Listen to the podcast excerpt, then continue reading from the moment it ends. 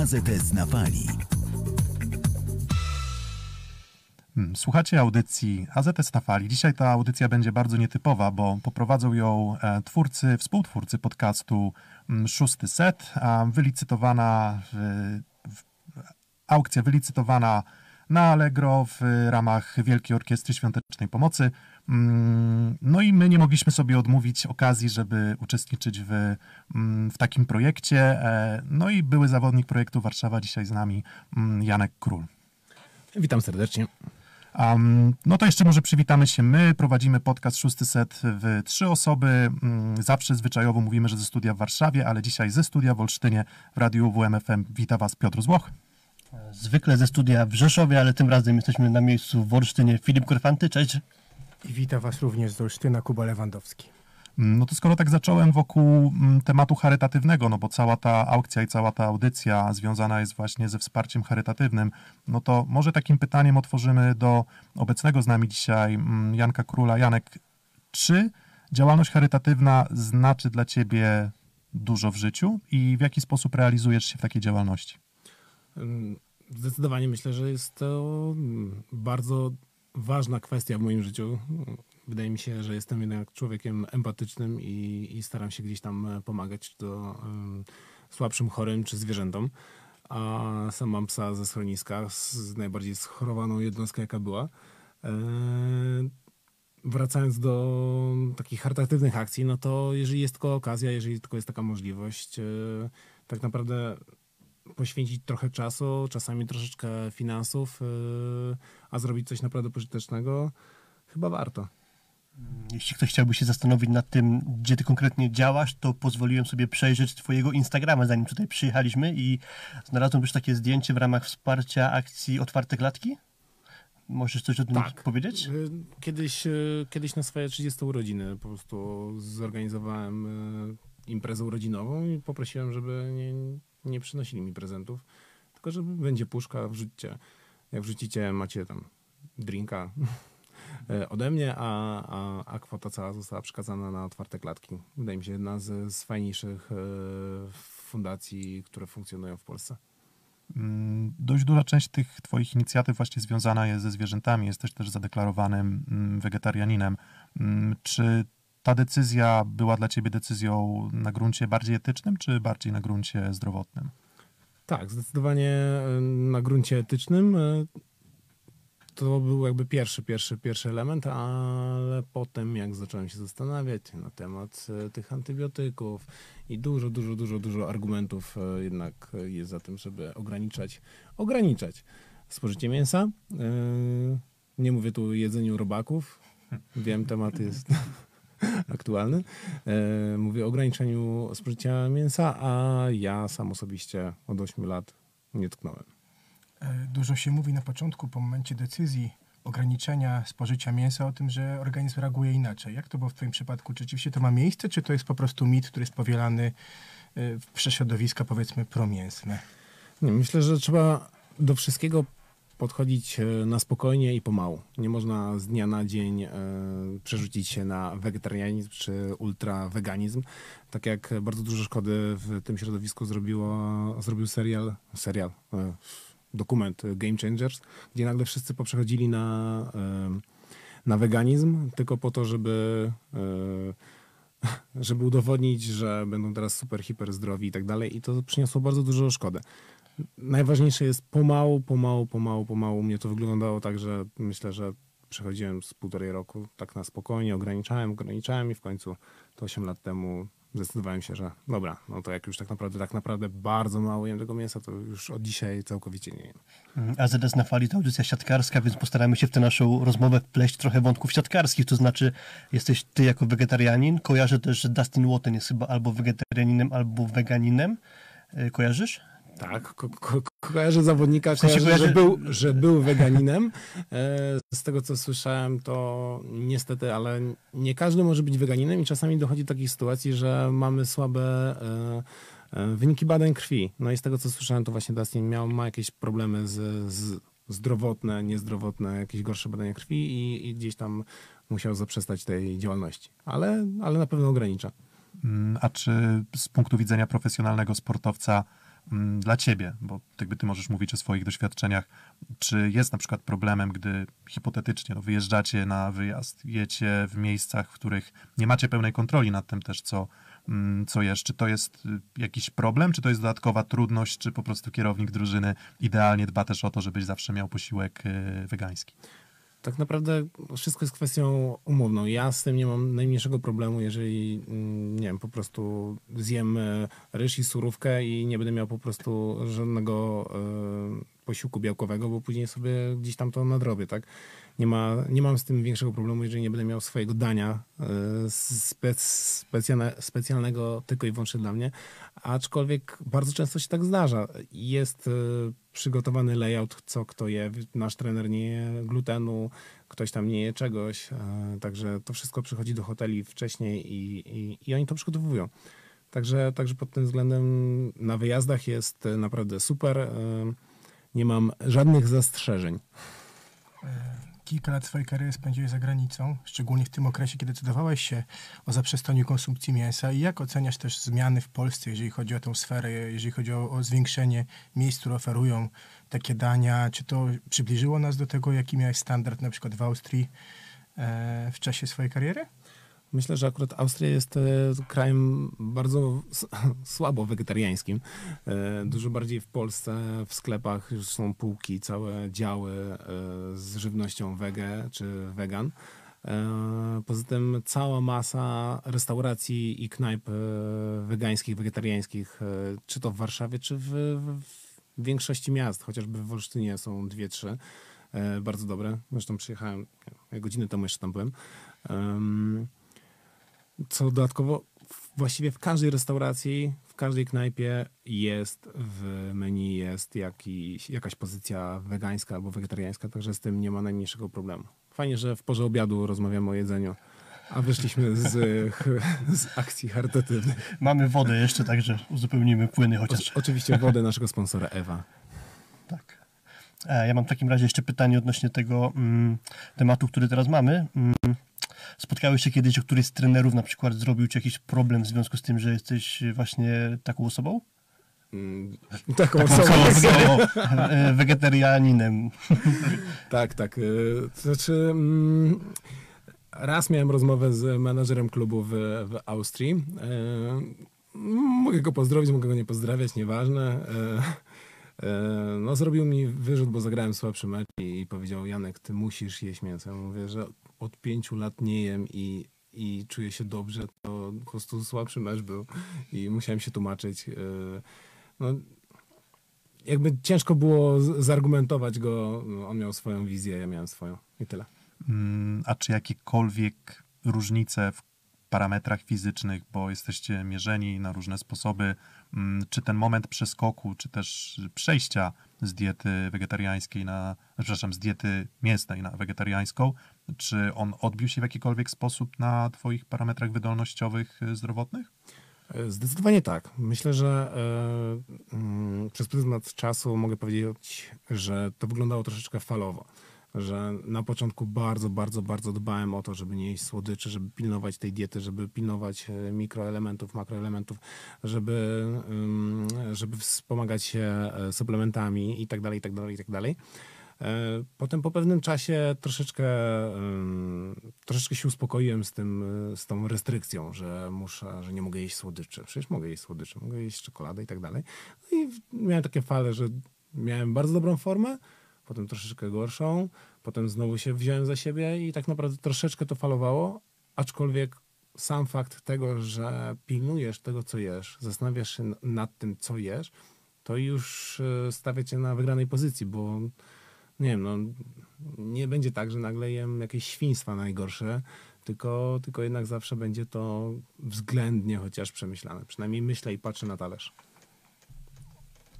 Porównujesz teraz swoją dietę, czy kolegów, którzy teraz grają, z dietą, jaką mieli sportowcy 20 lat temu, to myślisz, że również zmiana diety przyczyniła się do tego, że te kariery są wydłużone? No bo gdzieś dzisiaj wielu sportowców kiedyś w twoim wieku lub młodszych kończyło grać, a, a, a teraz ta, ten okres się jednak przedłuża. I myślę, że to też jest kwestia właśnie innego dbania o swoje ciało, również w kontekście z, z, zaopatrywania go w kalorie? Myślę, że zdecydowanie e, świadomość e, sportowców w Polsce czy też za granicą e, wzrosła. Bardzo wzrosła ta świadomość tego, żeby dbać o siebie, żeby się regenerować, żeby e, nie spożywać zbyt dużej ilości alkoholu, żeby, e, żeby naprawdę zadbać o swoje ciało, bo, bo tym ciałem e, pracujemy, tak? To jest nasza świątynia i, i, i ona jest ważna. No. I bez, bez tego, co jemy, jak się regenerujemy, no daleko nie zajedziemy. Mm, Kończymy pierwszą sekcję audycji AZS na fali. E, Zaraz posłuchamy wspólnie e, jednego z utworów, który wybraliśmy. No i po krótkiej przerwie wrócimy na falę e, audycji AZS na fali. AZS na fali. Wróciliśmy i mamy nadzieję, że to wejście będzie może nieco bardziej udane niż ten początek, który lekki stres wszedł w, no, w audycję, w nasze głosy. Um, rozmawialiśmy trochę o diecie, porozmawialiśmy o tym, jak ta dieta wpływała na mm, Twoją karierę, mm, Janek. Zadaliśmy też pytanie na Twitterze do naszych obserwujących, obserwujących nasz, nasze konto. Mm, No i padło tam jedno pytanie. Pytanie, na które ty powiedziałeś, że z chęcią będziesz y, gotów odpowiedzieć. No i było to pytanie związane z rolą drugiego atakującego. Pytanie, jeżeli dobrze pamiętam, było sformułowane tak, że jakby ludzie mają poczucie, że jesteś bardzo taką istotną, wyrazistą jednostką mm, dla szatni, ale jednak ludzie nie mają, kibice w szczególności w Olsztynie w ostatnich dwóch sezonach, nie mają okazji obserwować ciebie na boisku mm, tak często. Czy ciebie to boli, czy ciebie to drażni, czy pogodziłeś się z rolą drugiego atakującego? Mm, Powiedzenie, pogodzenie się z, z, z tym z byciem drugim atakującym jest takie troszeczkę stygmatyzujące negatywnie. E, Ja mam świadomość tego, jakim jestem zawodnikiem. Wiem, że każdy zespół e, buduje się tak, żeby mieć e, mocny skład. Niektórzy budują mocną pierwszą szóstkę i potem rezerwowych, e, niektórzy budują mocny skład w całości, że w każdej chwili każdy może wejść na boisko i, i coś pomóc. U nas jest zespół tak zbudowany, że jest Karol Butryn, który no, jest najlepszym punktującym w lidze w top 3 od, od dawien dawna. Jeżeli jest taki moment, że ma problemy, że jest chory, czy jest kontuzjowany, no to wtedy jestem ja. A z racji tego, że nie było wiele takich okazji w tym sezonie, e, raptem wystąpiłem w całych spotkaniach w dwóch, gdy Karol był chory. Także mm, ciężko, ciężko zmieniać zawodnika, ciężko e, zdejmować zawodnika, który robi najwięcej punktów e, w zespole, który jest liderem, żeby wpuszczać e, innego, tak? Także wydaje mi się, że to jest e, sensowne. Takie, takie rozumowanie i takie, takie podejście. A ze swojej strony ja jestem świadomy tego, że jeżeli wejdę na boisko, to postaram się jak najbardziej pomóc drużynie. Ja nie jestem po to, żeby wygrywać spotkania, tylko jestem po to, żeby pomóc drużynie w jakimś stopniu, mniejszym lub większym. Wejdę na zagrywkę, wejdę na blok, wejdę na podwójną zmianę. Czasami się uda pomóc, czasami się nie uda pomóc. Eee, chyba, chyba taka jest moja rola w zespole. Zresztą taką też mi e, rolę w zespole nakreślił trener przed sezonem. Chciałem podpytać Cię też w tym kontekście, bo bardzo ciekawi wszystkich rynek pracy, a rynek pracy sportowców jest specyficzny, bo jednak to jest rynek, który jest otwarty również na zagranicę. I też z Twoich rozmów z kolegami siatkarzami, jak wygląda podjęcie decyzji na przykład, że w przyszłym roku jednak spróbuję za granicą, e, w innym miejscu, w innym środowisku, e, trochę z innymi realiami, e, kosztem na przykład tego, że nie będę w Plus Lidze jako drugi, albo nie będę grał w pierwszej lidze. Jak to na przykład, z, z czego wynika ta decyzja u sportowca, że czuje, że teraz próbuje na przykład za granicą, a nie w Polsce? Czy to myślisz, czy, to, czy każdą sytuację trzeba rozpatrywać indywidualnie, czy jest tu pewien schemat ciekawości świata, szansy dla, nie wiem, rodziny, czy, czy, czy, czy, czego to wynika? Mm, Trzeba przede wszystkim rozpatrywać to indywidualnie. Zawsze, mm, zawsze powtarzam, że niektórzy odnajdą się w jednym klubie przez e, całą swoją karierę i, i, i w tym klubie skończą karierę, a są tacy, którzy będą co roku zmieniać, będą szukać, będą jeździć, będą zwiedzać, będą poznawać e, nowe ligi e, i i też mają do tego prawo. To jest też e, ciekawa kariera. Oczywiście niektórzy powiedzą, że okay, no życie rodzinne i tak dalej. No, kwestia, kwestia pogodzenia wszystkiego. Jeżeli ktoś chce, nie wiem, więcej grać, jest młodym zawodnikiem i może być drugim zawodnikiem w, w Plus Lidze, ale na koniec końców będzie chciał być pierwszym atakującym, pierwszym rozgrywającym, pierwszym przyjmującym e, w zespole, no to jeżeli będzie siedział e, w Plus Lidze przez ileś lat, no to może mieć ciężko, żeby awansować. A jeżeli pójdzie grać za granicę do dobrego klubu, e, rozegra ileś spotkań, czy to w pucharach europejskich, czy, czy po prostu w, w dobrej lidze, ale będzie grał, będzie grał, będzie grał, na pewno zostanie dostrzeżony i na pewno spojrzą na niego inaczej w, też w Plus Lidze dadzą mu szansę. Było bardzo wielu takich zawodników, między innymi Wojtek Wodarczyk, czy teraz e, Michał Superla, który poszedł do, do Friedrichshafen i gra w Lidze Mistrzów, gra w, w lidze niemieckiej. Okej, okay, troszeczkę słabszej niż Polska, ale gra, gra rewelacyjnie no, i MVP za MVP jeden z najlepszych punktujących. No właśnie, w tej sekcji chcemy się trochę skupić na twoim przebiegu kariery i mówiąc o zagranicy, zaczął ten temat Kuba. E, pamiętam przed sezonem 14-15 pierwszy wyjazd za granicę do Mitteldeutschland? Chemie Mitteldeutschland. Tak. Okej. Okay. Mm, jakie były okoliczności? Jakie miałeś oferty i dlaczego akurat Niemcy? Mm, okoliczności były takie, że miałem e, ważny kontrakt w Będzinie, ale nie byłem widziany przez trenera i musiałem gdzieś odejść, ale to się e, mm, przedłużało, przedłużało, przedłużało. Zaczęła się liga i nagle się okazało, że w Niemczech potrzebują atakującego i tak naprawdę na szybko e, ok, jest zespół, który potrzebuje atakującego, e, fajny trener, na pewno będę grał. I chyba to było dla mnie takie najważniejsze. Wtedy taka szybka decyzja i tak naprawdę tydzień, tydzień przed ligą dołączyłem do drużyny w Niemczech. Nie pamiętam, który to był. Któryś października chyba. Koniec września, początek października dołączyłem do drużyny i od razu wystartowałem. Mm, Niemcy, mm, Austria, mm, też Liga Rumuńska. E, nie wiem, czy jeszcze było jakieś miejsce, w którym, e, w którym grałeś poza granicami Polski, ale czy jest jedno szczególne miejsce, w którym, z którym wiążesz najlepsze wspomnienia, bądź też było to miasto, które według ciebie było miastem najlepszym do życia? Polsztyn. Polsztyn oczywiście, tak? Olsztyn, Olsztyn jest najlepszy. Są jeziora, jest pięknie. Um, jeżeli chodzi o zagranicę, inaczej. Zaczniemy tak. W każdym klubie starałem się znaleźć swoje miejsca, odnaleźć siebie w zespole, w klubie, w mieście, jakby nie patrzeć do życia. E, każdy, każdy klub był inny. Każdym miałem więcej przyjaciół, mniej przyjaciół, e, więcej kolegów. Było fajniej, gorzej, ale, ale wszędzie się gdzieś odnajdywałem. E, gdzieś, gdzie było najfajniej, najpiękniej,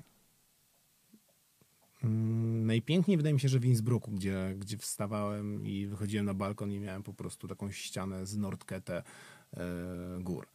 No to było jedno chyba z, z, z piękniejszych miejsc. E, ale z kolei na przykład teraz tu w Olsztynie wychodzę i za 5 minut mam piękne jeziora. Zawsze chciałem grać nad morzem, także może, może jeszcze mi się uda. E, nie wiem, czy nad polskim. Niewiele masz opcji, jak sobie Niewiele. pomyślę. Niewiele. Mm, idąc dalej, fajnie, fajnie było w Rumunii. Naprawdę było, było fajnie w Rumunii. Był, jest to ciekawy kraj, na pewno warty odwiedzenia. E, też patrzę przez pryzmat takiego trochę turysty. E, uważam, że to jest ciekawy kraj do, do, do zwiedzenia. E, miasto Bukareszt przepiękne, aczkolwiek pełne kontrastów. W Niemczech no to była malutka mieścina, właściwie kilka miast blisko siebie, ale, ale też swój urok miała.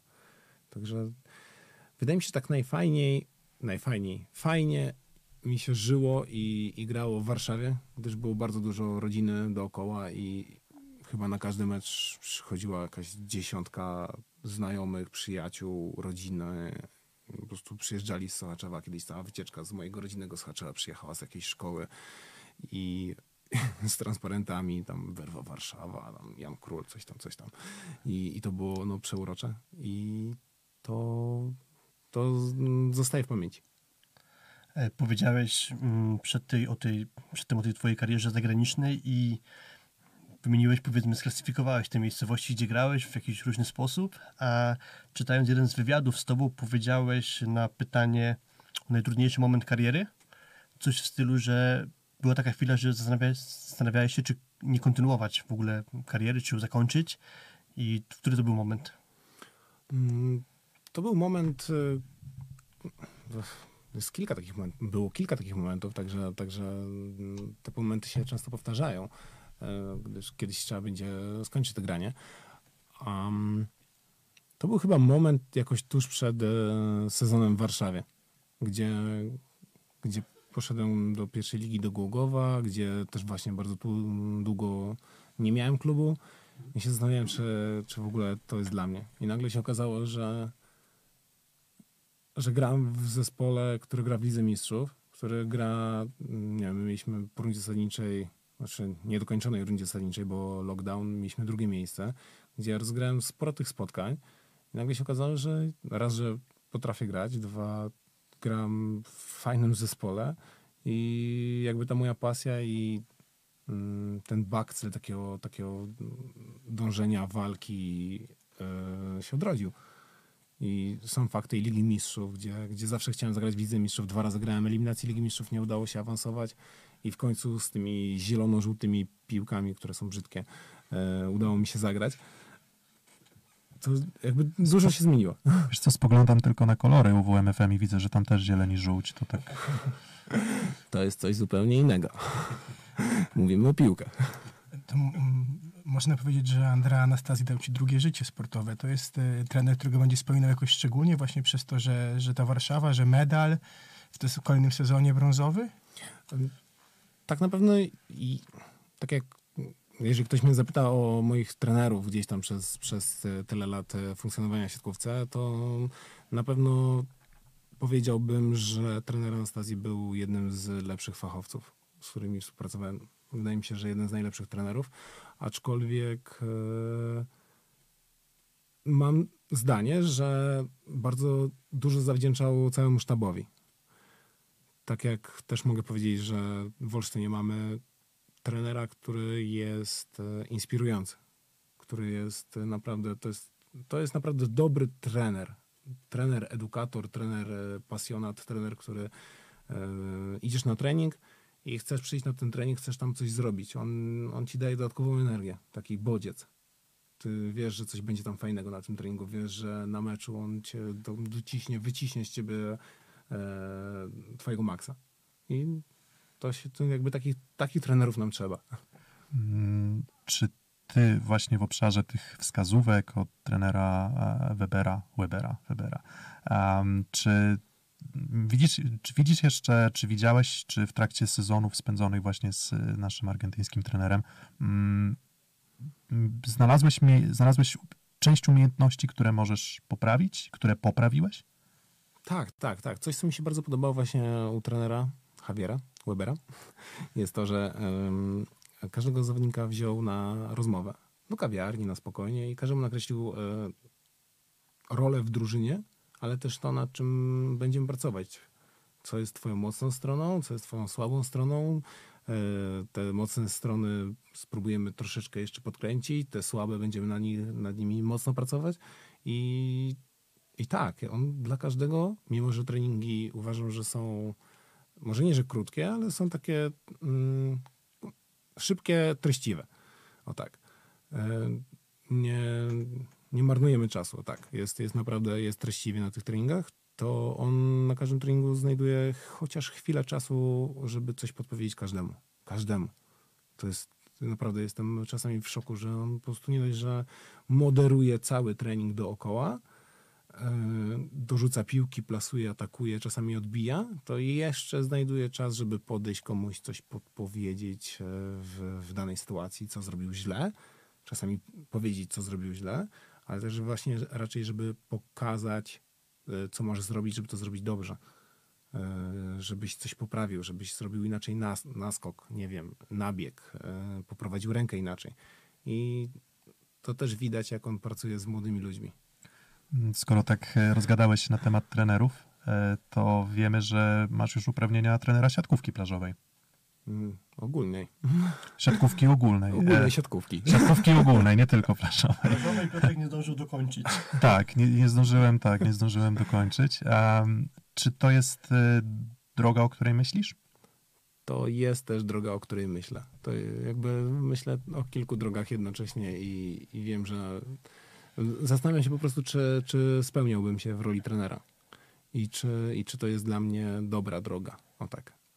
Na tym kończymy tę sekcję. Zapraszamy na krótką przerwę muzyczną i wracamy do audycji AZS na fali. AZS na fali. Witamy po przerwie naszych słuchaczy. W tym bloku tego wywiadu zamienimy się troszeczkę rolami. Teraz ja zapytam chłopaków tutaj licznie zgromadzonych w tym studiu o to, jak zaczęła się wasza przygoda z siatkówką, ale też jak przede wszystkim, jak zaczęła się wasza przygoda z szóstym setem. Kurczę, przygoda z siatkówką mm, to jest bardzo mocno związana z moim rodzinnym odsztytem.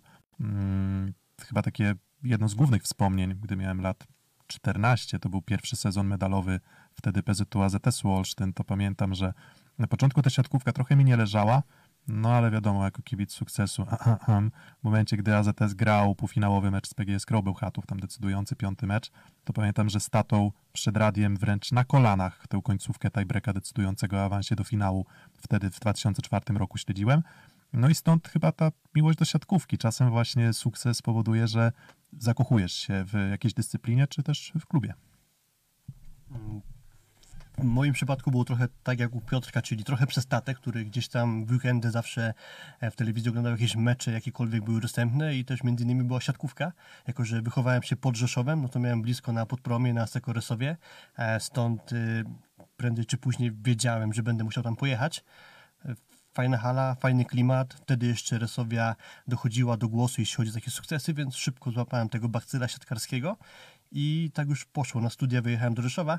Miałem kilka minut piechotą tak naprawdę na podpromie, więc te kilkanaście lat już regularnie chodzę na Resowie i od tamtego właśnie wyjścia pierwszego na halę na podpromie coraz bardziej zacząłem się interesować siatkówką i tak w końcu w skrócie dużym doszło do tego, że szósty rok bawię się w nagrywanie podcastów. Czyli mamy Rzeszowiaka, Resowiaka, mamy Azytysiaka i No, u mnie trzy takie etapy, bo najpierw e, pierwszy mecz, jaki pamiętam, to obejrzałem z dziadkiem Częstochowa Mostostra w latach 90. pod koniec.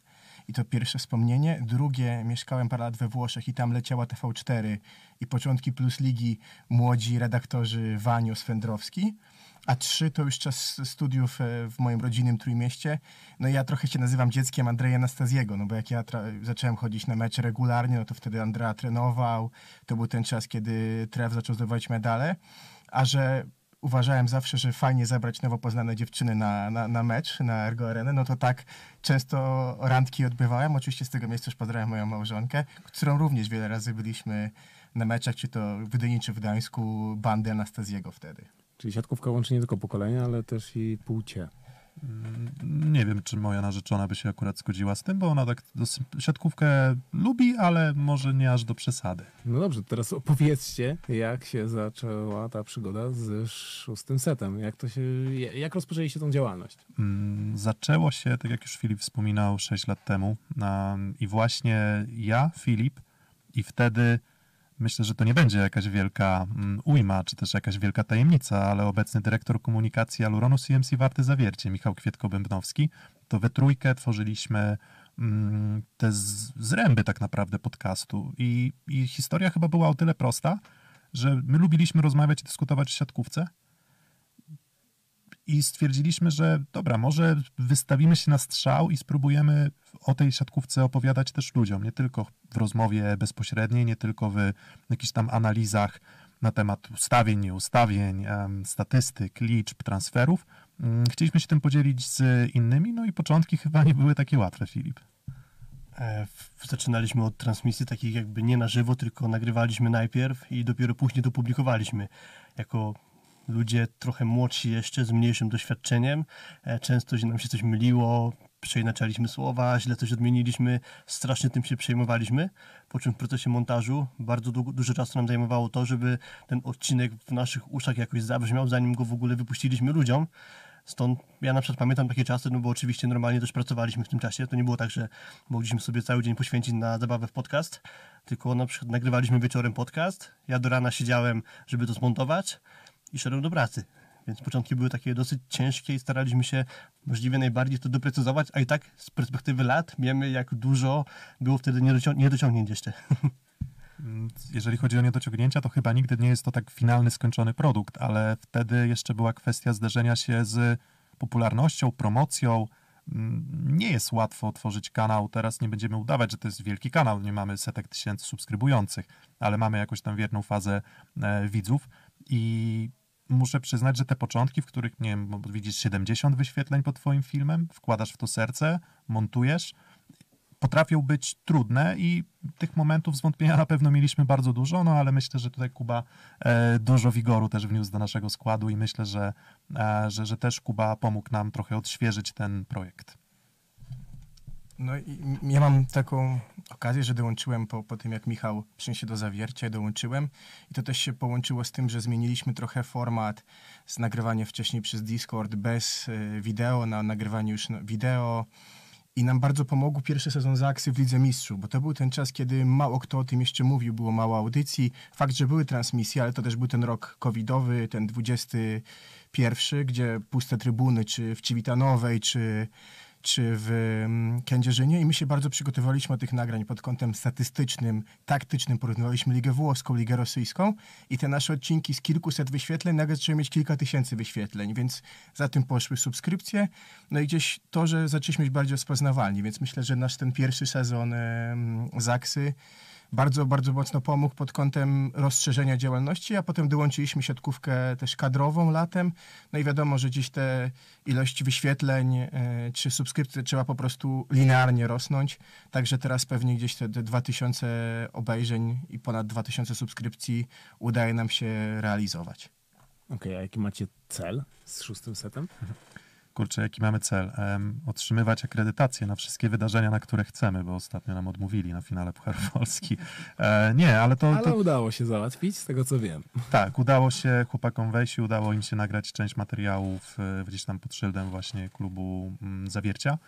Mm, Natomiast co do ambicji, to jest, powiedziałbym, side quest nasz. To nie jest główne działanie. Nie- Raczej nie spodziewamy się, że będziemy na tym stanie kiedykolwiek zarabiać w sposób, powiedzmy, zawodowy. Mamy swoją pracę, mamy swoje życie, więc z mojej perspektywy, tak długo jak będzie dawało nam to radość, to będziemy to kontynuować. W momencie, w którym poczujemy, że coś się wypala, czujemy, że, mm, że, że, że może to już nie ma sensu, że już się zderzyliśmy z kolejną ścianą, czy z kolejnym szklanym sufitem, to myślę, że wtedy będziemy się zastanawiać nad tym, czy to kontynuować. Ale myślę, że do tego jeszcze daleka droga. To też jest dla nas, myślę, że kapitalna odskocznia, bo przez ten czas, kiedy razem współpracujemy, mieliśmy różne etapy w życiu zawodowym, prywatnym i zawsze gdzieś dla nas y, to była super odskocznia, jeżeli chodzi o stresowanie się, jeżeli chodzi o pasję, o możliwość porozmawiania czy z tobą, czy z zawodnikami, czy po prostu super zabawa, mówmy się. Dla mnie przynajmniej, a na pewno dla chłopaków też. Też na pewno naszym takim plusem jest to, że na nas nie ma żadnej presji. My nie, nie wymaga nikt od nas, że mamy mieć ileś wyświetleń, bo jak nie, to nam się to nie opłaci, ktoś nam nie zapłaci. Tylko po prostu jak mamy trochę czasu, zgadujemy się i rozmawiamy. Mamy przy tym pełen luz i pełen komfort. Ja oprócz tego, co Piotrek powiedział, że no, przedtem na przykład e, była sytuacja, że nie dostaliśmy akredytacji na turniej finałowy Pucharu Polski, ale ja mam satysfakcję z tego, że tworząc coś od zera we własnym mieszkaniu, czyli podcast, e, udało nam się wyjechać na udało nam się wyjechać na mm, finały siatkarskiej Ligi Mistrzów Lublany właśnie na akredytację, na podcast, więc jakby dla mnie to już było bardzo satysfakcjonujące osiągnięcie. Akurat wyszło tak, że musiałem z naszym wspólnym nieobecnym się kolegą jeszcze pojechać, chłopaki nie mogli, no ale ja czegoś dużego doświadczyłem właśnie dzięki podcastowi. To tym bardziej cieszę, że jakby zachowujecie jakąś swoją niezależność, przede wszystkim niezależność i yy, w tej pasji, którą niewątpliwie macie, a wygraliście tą licytację, którą, dzięki której tutaj teraz dzisiaj jesteśmy. A wiem, że chyba macie jeszcze jakieś pytanie. Mm, Tak, no już na, na finiszu, trochę odwracając, czy wracając z tego utartego pierwszego schematu, którym mieliśmy w audycji, mm, końcówka rundy zasadniczej, wracając na tematy sportowe, po trzech porażkach em, przykrych, ale z rywalami na pewno trudnymi, odbicie z Barkomem Karzany Lwów, mm, będą playoffy? Tak. Dziękuję.